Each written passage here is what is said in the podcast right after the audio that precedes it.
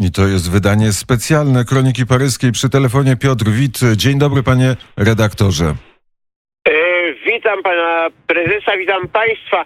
E, specjalna no, e, sy sytuacja, problem jest bardzo specjalny. Wobec pandemii setki milionów ludzi na świecie zadają sobie dzisiaj pytanie, czy choroba COVID-19 jest uleczalna.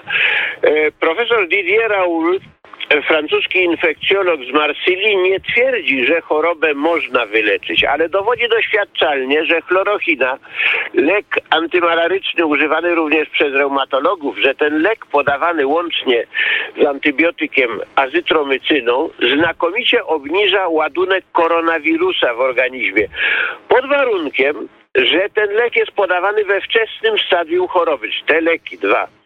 Po sześciu dniach takiej terapii wirus znika z organizmu, po pięciu jest go już tak mało, że przestaje być niebezpieczny.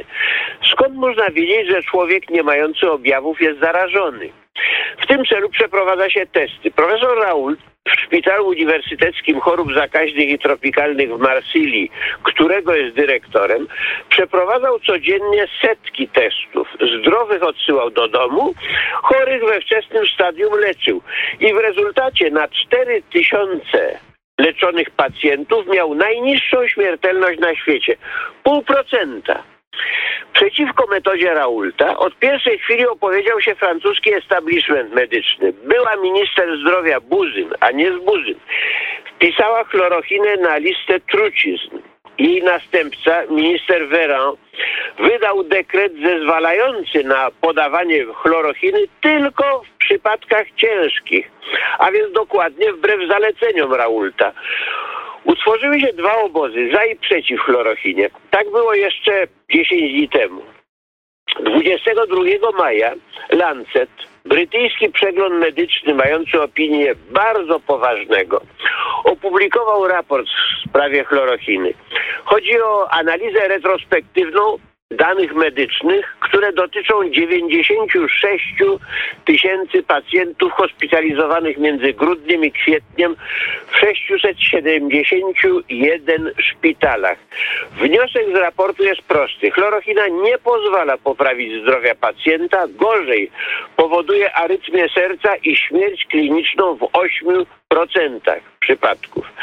Przeciwnicy chlorochiny wykorzystali ten raport natychmiast. Trzy dni po jego opublikowaniu Światowa Organizacja Zdrowia nakazała przerwanie badań nad chlorochiną na świecie. Minister Véran ze swej strony zakazał stosowania chlorochiny we Francji jako leku śmiertelnie niebezpiecznego. No i się pospieszył. Bowiem tymczasem 180 uczonych w liście otwartym zakwestionowało wartość tego studium Lanceta.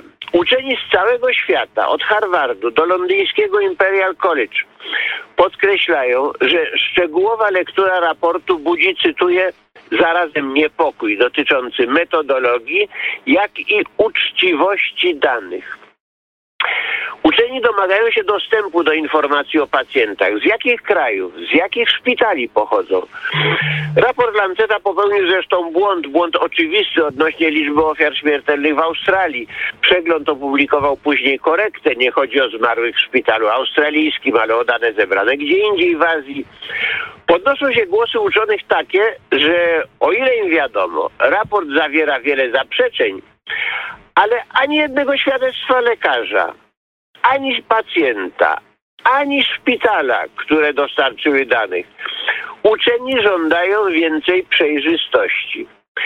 To jest niemożliwe, odpowiada spółka Fair z Chicago, która raport zrealizowała. Niemożliwe, ponieważ umowy zawarte z dostarczycielami danych nie pozwalają podać ich do wiadomości publicznej.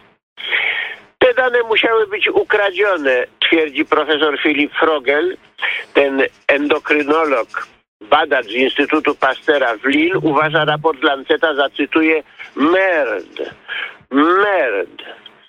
Żaden pacjent, żaden lekarz nie dali autoryzacji do wykorzystania danych, mówi Frogel. Jeszcze dalej. Idzie Australijczyk Peter Ellis, ten statystyk i ekspert w dziedzinie danych naukowych, uważa dane po prostu za zmyślone. Cytuję.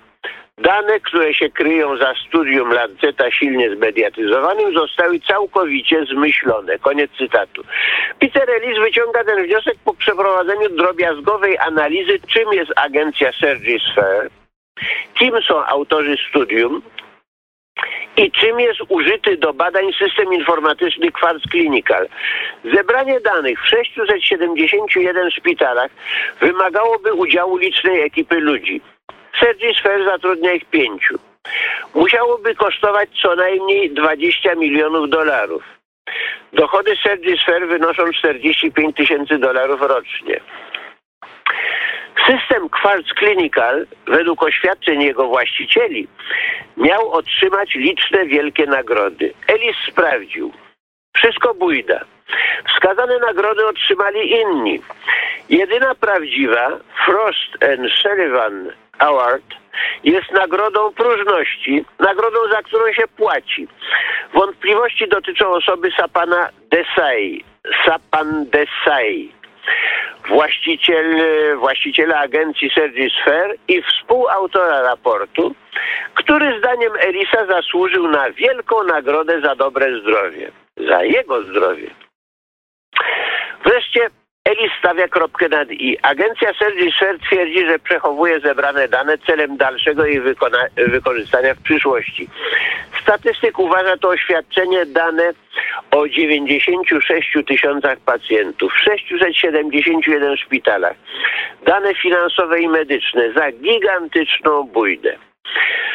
Wczoraj przegląd naukowy The Scientist, wielka reputacja, ogłosił wyniki swojego dochodzenia. Przeglądowi The Scientist nie udało się znaleźć żadnego szpitala, który by uczestniczył w tej zbiórce danych. Liczne placówki kontaktowane przez redakcję oświadczyły wręcz, że nie dostarczyły danych. Ten sam wynik uzyskał wielki dziennik The Guardian, który nawiązał kontakt z głównymi szpitalami Sydney i Melbourne w Australii, skąd miały pochodzić informacje. Wszystkie oświadczyły, że nie dostarczyły żadnych danych agencji Sergi Sphere. Wczoraj Lancet odciął się od autorów raportu. To wystarczyło, żeby Yves Tela, zastępca redaktora naczelnego wielkiego dziennika Le Figaro, krzyknął, że ten raport jest sklecony z kłamstw, dodając, że chodzi o skandal o wymiarze światowym skandal o wymiarze światowym. Profesor Dus Blasi nazwał raport fake newsem i zastanawia się, jak to jest możliwe, żeby przegląd medyczny o takiej reputacji jak Lancet, czytany i cytowany przez świat medyczny jak słowa Ewangelii, nie wiedział, co publikuje. Dla Jean-François Lemoina odpowiedź jest oczywista. Autorzy fałszywego raportu zostali kupieni zostali zapłaceni. Niestety Lancet również. Profesor Raul ze swej strony jest zdania, że raport sporządzili drobni kanciarze. To jest po francusku pienicle. Drobni kanciarze. No nie tacy znowu drobni. Oni sami twierdzą, że otrzymali 50 milionów dolarów od bogatych sponsorów. Oni, to znaczy e, sam Hindus, właściciel e, przedsiębiorstwa. Kim są ci sponsorzy? Jeżeli zostanie wytoczone oskarżenie o oszustwo, sprawą w Ameryce zajmie się FBI. Największa sensacja przyszła dzisiejszej nocy. Trzej autorzy raportu spośród czterech zażądali wycofania ich podpisów. E, pozostał tylko Sapan Desai, czyli Hindus, właściciel przedsiębiorstwa Sphere. I tak to z gruntu medycyny przeszliśmy na grunt afery kryminalnej. W sprawie chlorochiny radykalny zwrot. Więc panika w rządzie francuskim. Minister zdrowia pedałuje do tyłu. Światowa Organizacja Zdrowia pedałuje do tyłu. W ubiegłym tygodniu uznali terapię profesora Raulta za szkodliwą. Teraz przyznają, że postąpili pochopnie i każą wznawiać badania nad medykamentem. Wielka stacja telewizyjna e, ILC stawia pytanie wprost. A jeżeli profesor Raul ma rację, Rzecznik prasowy rządu Sibet Naid po wyjściu z wczorajszej Rady Ministrów zapewniła, że zawieszenie, jak się wyraziła, e, a nie zakaz stosowania chlorochiny we Francji na pacjentach COVID-19, e, to zawieszenie bazowało nie tylko na kontrowersyjnym, jak się wyraziła, raporcie Lanceta. Nie wyjaśniła na czym innym, a inni, bo obrońcy stanowiska rządowego, cytują e, artykuł z New England Journal of Medicine, tak samo w, wielka reputacja w świecie medycznym, ale ten, ten dziennik opublikował we wtorek e, tak samo e, odwołanie od e, swojego e, artykułu, wyjaśniając, że jego dane pochodzą z tego samego źródła co danie Lanceta. Doktor Robert Zebak z infekcjolog, inny infekcjolog z Wielkiego Szpitala Paryskiego Pitié-Salpêtrière e, e, mówi, nie należało przerywać ani zakazywać badań nad chlorochiną, tak jak to zrobiła Światowa Organizacja Zdrowia, ponieważ teraz nigdy nie dowiemy się prawdy. A może właśnie o to chodziło, żebyśmy nie poznali prawdy. Liczne kraje, w tym przede wszystkim Francja, zakazały stosowania chlorochiny. Teraz nasuwa się pytanie, skąd takie zacietrzewienie? Skąd ten nieustający atak na Raulta? Dlaczego trzeba zabić profesora? Otóż profesor naraził się ogromnie nie tylko we Francji. We Francji przede wszystkim jego badania, jego, jego terapia, która uleczyła e, no, prawie 4 tysiące ludzi, no, a, a, a, innych odesłała do domu jako e, zdrowych. E, jego terapia została we Francji zakazana. Dlaczego? E, komentatorzy medyczni uważają, że po prostu po to, żeby zrobić miejsce dla innych medykamentów, ponieważ, jak stwierdził wczoraj w telewizji pewien adwokat, największym błędem chlorochiny jest to, że jest tania. To jest I e, to medykament. i już tak, wie, wiemy, co w tle e, jest. Jeśli nie wiadomo o co chodzi, chodzi o pieniądze. Dogłębną analizę przeprowadził Piotr Wit. Bardzo serdecznie, panie redaktorze, dziękuję. Chodzi o wielkie pieniądze. Tak, chodzi o to, żeby wprowadzić, na, że, że każde, e, Um. każda nowa molekuła, każdy nowy lek e, wprowadzany są- na rynek jest niesłychanie drogi. O tym porozmawiamy w następnej kronice paryskiej, bo teraz jest już godzina ósma. Czas na wiadomości w poranku wnet. Piotr Wit, wszystkiego dobrego. Bardzo dziękuję za kronikę paryską, a my przenosimy się w tempie do budynku pasty.